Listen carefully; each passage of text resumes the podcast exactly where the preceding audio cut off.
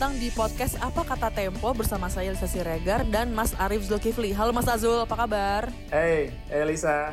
Kita masih work from home nih ya, masih uh, rekaman via online. Uh, gimana Mas uh, setelah ini memasuki minggu keempat nih? Gue lama-lama menikmati. Jadi jadi siklusnya itu adalah uh, oke, okay, merasa oke, okay, terus mera terus turun yeah. kan, ngerasa bosen yeah. gitu.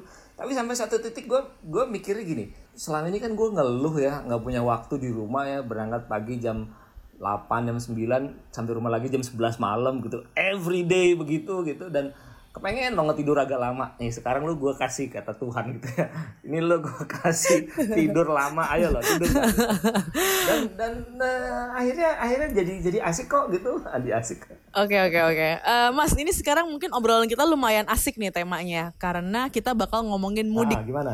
Mas Azul ada gak sih memori unik uh, terkait mudik nih? Selama ini kalau mudik ke Lampung tuh sebenarnya uh, rutinitasnya gimana? Apakah tiap Lebaran pasti mudik atau ada gantian juga gitu? Kadang-kadang ke ke tempatnya uh, keluarga istri gitu atau gimana tuh Mas? Gue lebih kalau pulang ke kampungnya gue ya di Lampung tuh gue lebih uh, sebetulnya lebih ke reuninya sih ya reuni sama teman-teman atau reuni sama kakak kakak-kakak ya karena kami kan semua pada keluar daerah semua tuh pada merantau lah begitu. Jadi uh, mudik itu kesempatan untuk uh, reuni uh, sebetulnya. Itu jadi yes ya seneng sih seneng banget gitu. Meskipun sebetulnya Lampung tuh bukan daerah yang jauh ya uh, 6 sampai 8 jam itu udah nyampe gitu. Tapi tetap aja tuh suasana suasana mudik lebaran itu memang memang memorable banget lah seru sih ya, ya. Jadi kalau tahun ini kira-kira nggak mudik udah siap belum Mas Azul?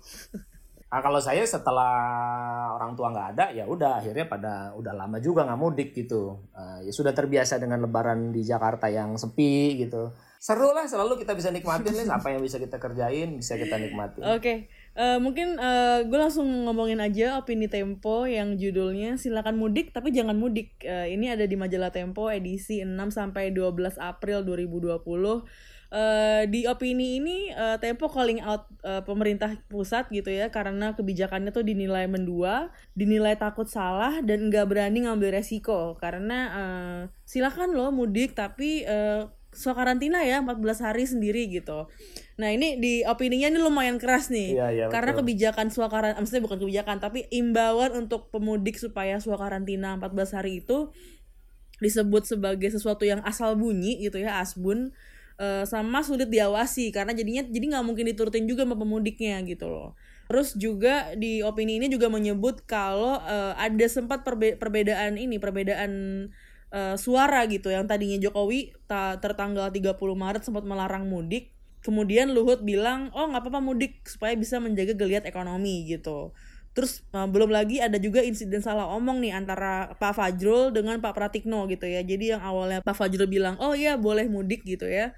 Terus kemudian direvisi oleh Pratikno gitu. Nah, ini kan sebenarnya uh, dinilai mendua oleh Tempo gitu ya. Ini menarik banget buat kita omongin dan juga sebenarnya ada juga laporan khususnya ya, ada hitung hitung kancing karantina wabah ini juga laporan yang lebih detailnya ada di situ. Uh, cuman mungkin pertanyaan pertama buat Mas Azul adalah Uh, sekarang gini mas, kalau uh, kita beneran dilarang mudik nih ya, kita mengandeng-andeng beneran dilarang mudik gitu, sebenarnya masyarakat Indonesia ini bisa paham atau enggak sih mas? Karena kalau yang kita lihat aja di Jakarta, minggu ini tuh sudah mulai ramai jalanan, sudah mulai macet-macet lagi gitu loh.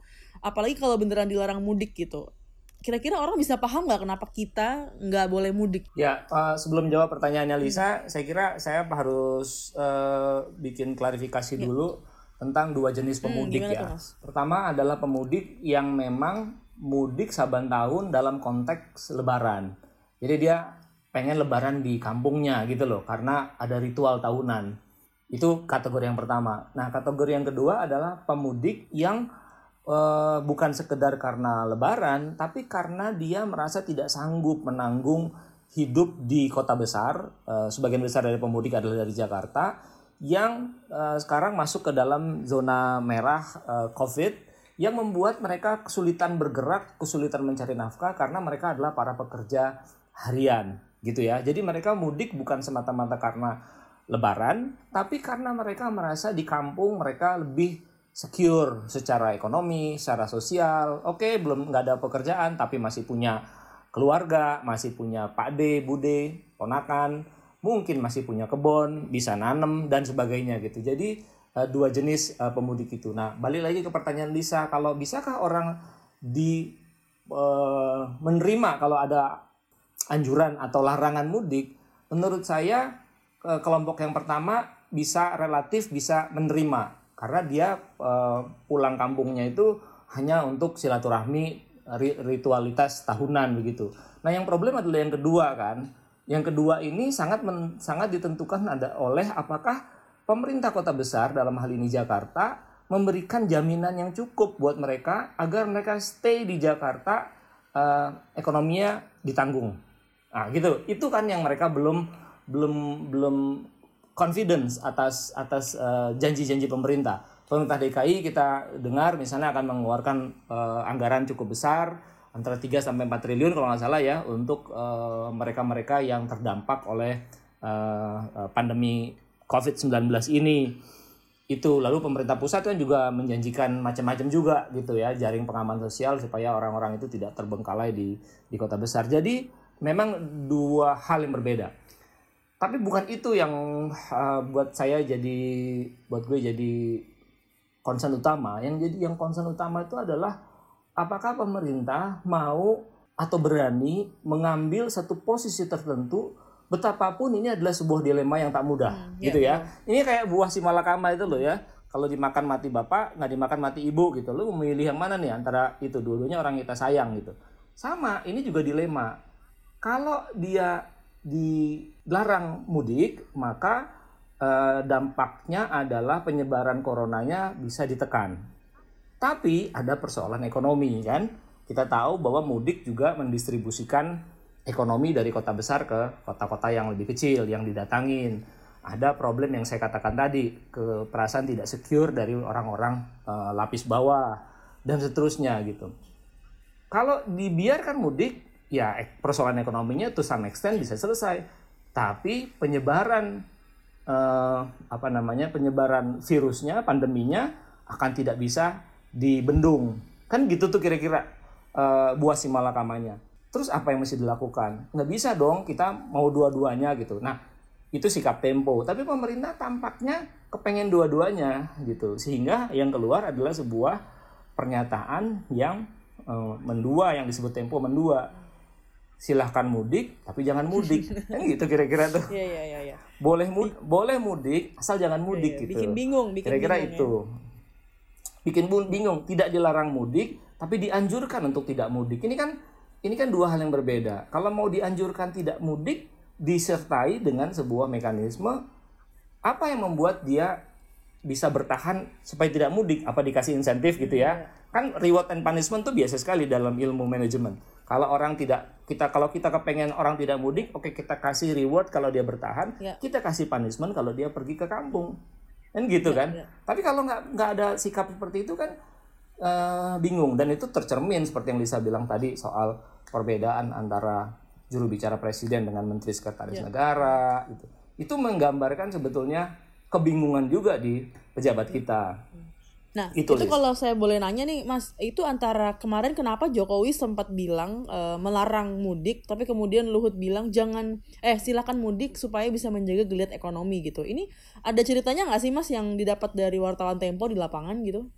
Ya per 30 Maret itu sebetulnya Jokowi sudah mengeluarkan pernyataan yang lumayan tegas untuk uh, uh, dia mengatakan tentang bahaya mudik terhadap penyebaran corona dan dia sudah mengatakan tentang kepala-kepala daerah selayaknya memberikan kampanye besar-besaran menghimbau warganya untuk tidak pulang kampung. Itu clear sekali.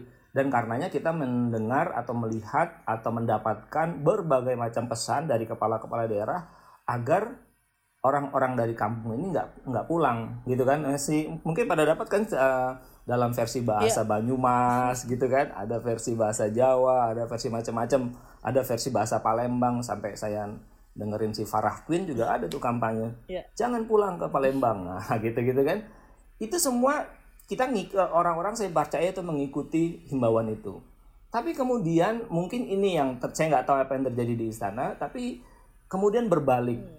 Berbalik. Nah, berbaliknya ini kuat diduga ya karena ada pikiran bahwa kalau tidak mudik ekonomi akan makin tenggelam.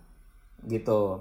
Lalu ditambah lagi dengan adanya kewajiban-kewajiban pemerintah untuk uh, memberikan reward jika mereka uh, tidak mudik gitu. Nah, akhirnya muncul pernyataan yang bertolak belakang atau bukan bertolak belakang ya, yang berbeda antara uh, juru bicara Presiden Fazlur Rahman dengan Menteri Sekretaris Negara. Fazrul mengatakan bahwa dalam akun Twitternya yang kemudian dira, ya, yang bukan diralat dalam akun Twitternya mengatakan bahwa uh, pemerintah tidak uh, melarang mudik. Tapi kemudian beberapa jam kemudian Menteri Sekretaris Negara mengatakan bahwa pemerintah akan menghimbau besar-besaran penduduk untuk tidak mudik. Kan gitu ya, kan? Betul. Ini kan kayak kayak kayak dua dua hal yang yang yang yang saling confusing satu sama lain. Makanya di editorial Tempo saya baca uh, sikapnya menjadi uh, Menteri Sekretaris Negara dan juru bicara presiden bisa sama-sama benar, bisa sama-sama salah nih gitu. Tapi yang pasti mereka berpijak dari sebuah keputusan yang mendua.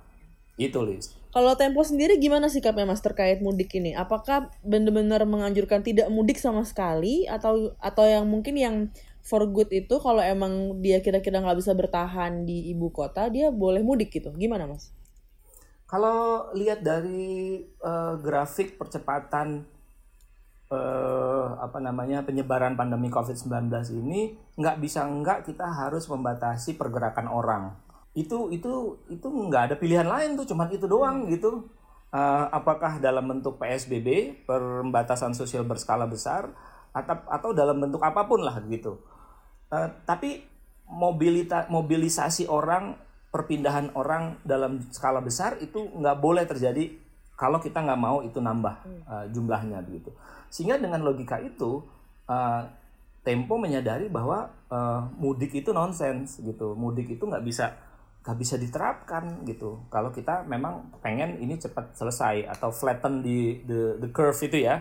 Yang yeah. sekarang jadi jadi ikonik banget itu kan flatten the curve. Itu list jadi jadi uh, apa uh, mudik itu bukan pilihan buat saya gitu. Sekarang tinggal bagaimana pemerintah membuat sebuah kampanye, menyiapkan sebuah perangkat agar kehendak untuk tidak mudik itu bisa dijalankan dengan efisien dan dengan efektif gitu. Jadi kalau pemerintah bilang orang nggak mudik, ya nggak mudik gitu. Ya tentu saja terus ada turunannya kan. Yang saya bilang tadi mungkin ada reward and punishment. Mungkin ada apalah gitu selalu dibikinkan sebuah program-program yang membuat itu semua terjadi uh, dan bukan sekedar himbauan saja gitu. Uh, mas, ditulis. Kalau seandainya mudik beneran dilarang nih nanti ya, beneran ada peraturan yang keluar hmm. untuk melarang uh, orang untuk mudik gitu. Apakah negara kita hmm. siap dengan uh, ini potensi kerusuhan? Karena mungkin ada orang-orang yang nggak paham dan nggak terima gitu ya uh, mau ketemu keluarga hmm. kamu halaman pokoknya mau mudik gitu ntar mungkin jadi rusuh gitu dan karena kalau kita hmm. ngelihat laporan Tempo yang hitung kancing karantina wabah ini bakal disebut juga nih soal darurat sipil yang kemarin ramai itu itu adalah opsi terakhir hmm. kalau pel, uh, pemberlakuan uh, penerapan PSBB ini nggak efektif dan ada kerusuhan gitu. Jadi kalau nanti tiba-tiba rusuh, ya. uh, presiden bisa menerapkan darurat sipil gitu tuh gimana tuh mas? Kita kita siap apa enggak kira-kira? Minggu lalu kita sudah bicara tentang uh, pemerintahan dan kepemimpinan yang efektif yang dibutuhkan masyarakat yang ingin keluar dari problem COVID-19.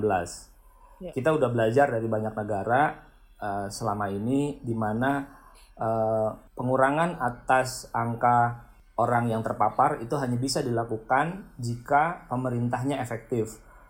Leadershipnya bagus, leadershipnya bagus diukur dari beberapa hal. Satu yang terpenting adalah dipercaya oleh publik ya. Dipercaya oleh publik hanya bisa dilakukan kalau pemerintah itu me bersikap terbuka atas apa yang terjadi. Kalau pemerintahnya tidak terbuka kalau pemerintahnya menutup-nutupi sesuatu uh, pemerintah akan uh, sorry masyarakat akan selalu curiga atas apa pun pilihan pemerintah uh, apa pun kebijakan yang diambil pemerintah. Itu dasarnya dulu gitu apakah kalau ada pelarangan mudik maka uh, akan terjadi kerusuhan atau keramaian? Saya kok nggak nggak yakin ya. Saya itu nggak yakin. Ingat bahwa di pekan-pekan pertama larangan sholat Jumat, larangan orang berkumpul itu muncul uh, berbagai macam penolakan. Itu di minggu ke satu, uh, tapi sudah semakin berkurang pada minggu kedua. Jadi sebetulnya begitu ada kampanye yang cukup uh, efektif, uh, orang sebetulnya paham kok apa yang terjadi, begitu. Uh, begitu juga dalam hal mudik, kalau itu dijelaskan dengan baik lewat berbagai channel, berbagai jalur, uh, orang bisa di, di, dijelaskan. Nah, tentu yang tidak kalah penting adalah para pemudik yang kategori uh, mereka yang ingin pulang for good gitu ya, karena menghindar dari Jakarta yang mereka nggak dapat lagi pemasukan uh, atau penghasilan makan di sana begitu. Nah, itu kan perlu ada jaring pengaman. Dan sebetulnya kan pemerintah sudah uh, bikin ancang-ancang yaitu uh, mereka yang ber KTP Jakarta, orang daerah yang ber-KTP Jakarta akan ditanggung oleh pemerintah uh, eh, DKI, tapi orang-orang yang ada dari kampung yang masih ber-KTP di daerahnya masing-masing akan ditanggung oleh pemerintah pusat. Nah, tentu ada problem teknis di dalamnya, tapi prinsipnya menurut saya adalah kalau itu bisa dijalankan dengan konsisten, maka kekhawatirannya Lisa itu tidak akan terjadi. Apakah sampai satu keadaan yang mencekam sekali sehingga uh, apa tadi uh, darurat sipil harus dijalankan? Saya uh, khawatir uh, kalau darurat sipil itu dijalankan nanti efeknya akan jauh lebih buruk daripada corona 19 itu sendiri gitu. Jadi sebelum itu sampai maka lakukanlah hal-hal yang bisa dilakukan untuk mencegah itu semua terjadi.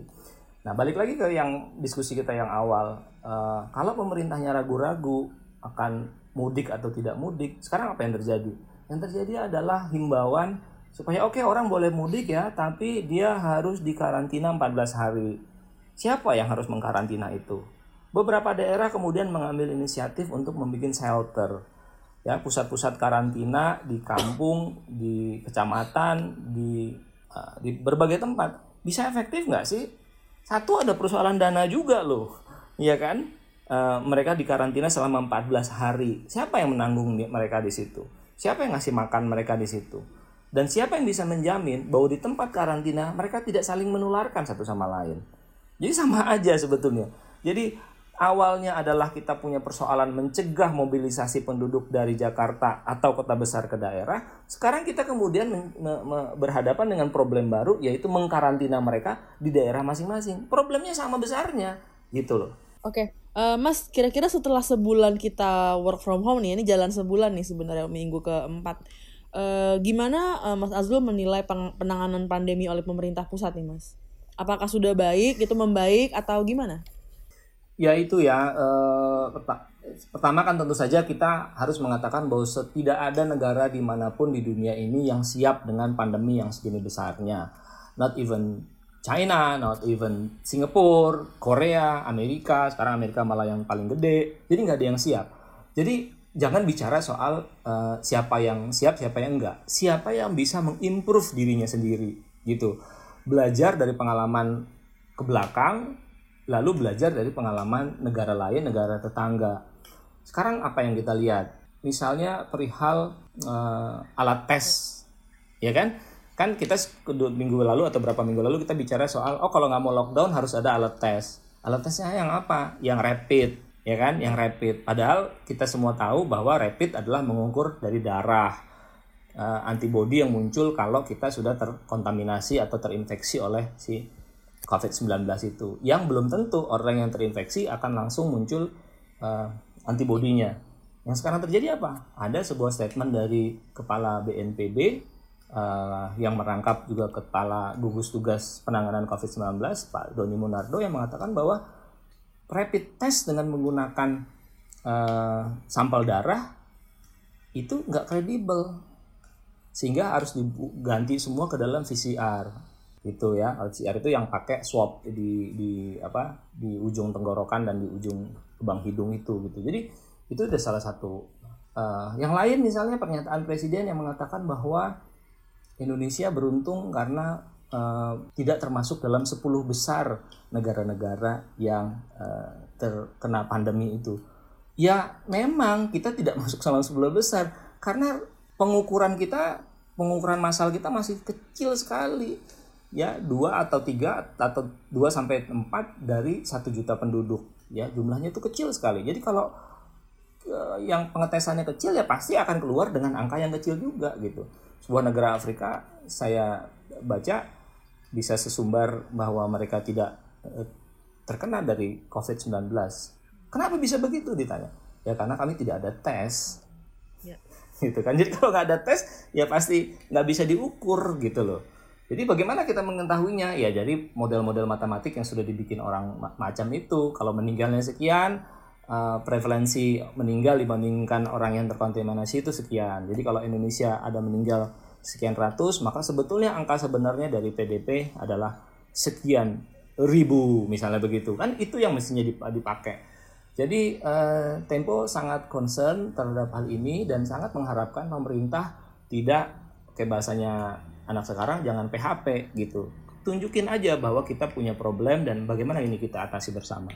Gitu, Lis. Mas, ini saya mau nanya soal terkait ini uh, sense of crisis dari kita nih sebagai bagian dari kelompok masyarakat sipil gitu ya Uh, karena yang tadi saya singgung di awal gitu ya, minggu ini tuh Jakarta udah mulai beberapa ruas jalan terlihat macet, udah mulai ramai juga karena mungkin juga orang-orang banyak yang udah mulai balik ke kantor dan nggak work from home lagi gitu loh. Jadi mungkin dari kitanya pun uh, ada semacam rasa oh ini krisisnya udah mau kelar nih, virusnya udah mau selesai gitu. Ada ada juga yang ngerasa kayak gitu. Uh, itu kira-kira kenapa ya Mas Azul? Ya.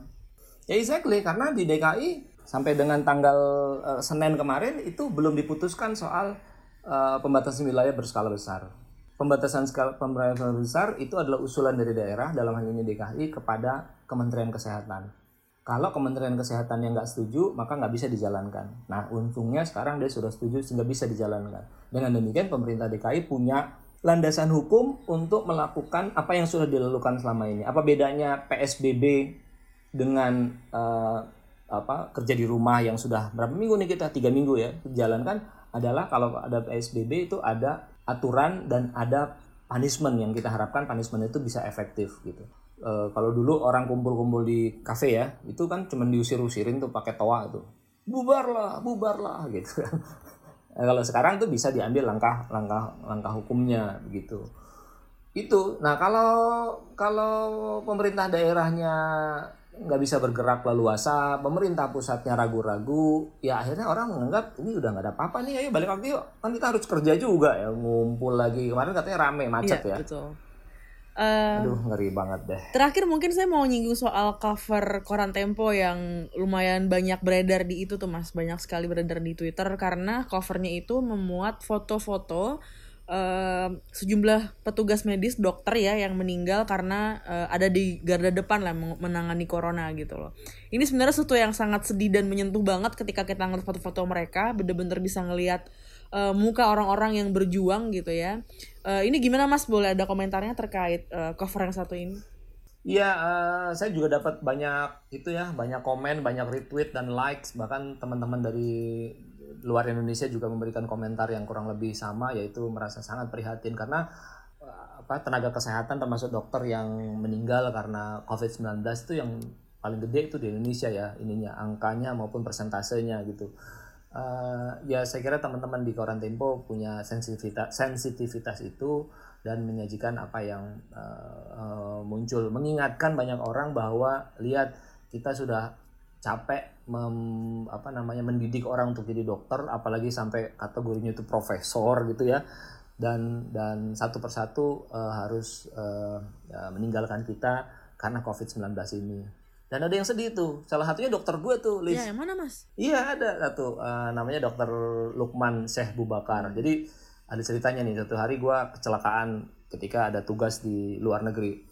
Uh, apa jari gue tuh ke ke, kepenggal pisau gitu sehingga uh, agak ngeri lah pokoknya diobatin di sana tapi kemudian harus direparasi lagi di sini karena ada tendon yang putus. Nah, gue tuh dibantuin sama dokter Lukman tuh, yaitu ahli uh, bedah mikro sebetulnya, ahli bedah mikro. Jadi dia nanganin, jadi direparasi lah tangan gue gitu, ya udah udah bener lagi. Jadi gue punya memori dan gue ngerasa uh, tiap kali baca orang-orang yang meninggal, orang-orang yang uh, karena COVID-19 makin lama tuh makin deket yeah. gitu ya yang tadinya tuh jauh gitu ya orangnya unknown kita nggak tahu tapi lama-lama eh ini kan omnya si yeah. ini eh ini kan keponakannya si itu gitu yang yang semakin lama tuh semakin deket dan dan dan ya itu sedih memang sedih ya itu juga uh, gue juga ngerasain sih mas karena ada tantenya temen yang meninggal karena positif ada ayah temen yang juga lagi positif dan lagi perawatan ada juga yang masih mm-hmm. PDP dan kemudian meninggal dan jadinya nggak bisa mm-hmm. harus langsung dikubur uh, oleh petugas kan nggak boleh oleh keluarga Betul. yang kayak gitu sebenarnya cukup sangat sedih banget sih sebenarnya untuk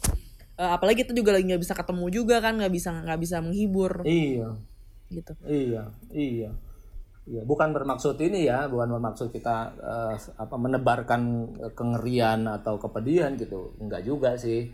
Ya, kita harus tetap optimis, tapi itu juga fakta yang nggak bisa kita tutupin loh. Gitu. Iya. Oke, itu dia tadi pembahasan kita di podcast Apa Kata Tempo. Uh, kalau mau berinteraksi dengan kita, bisa langsung menyertakan hashtag Apa Kata Tempo di Twitter Uh, kalau mau ngirim saran, mau ngajak collab juga bisa di email uh, at di podcast at tempo.co.id uh, atau kalau mau ke Mas Azul uh, langsung aja follow twitternya di arifz underscore tempo. Oke, okay, sip. Sampai jumpa kami sampai jumpa kami depan Mas Azul. Tetap sehat. Yuk, sampai depan ya. Yuk. Dadah. Dadah.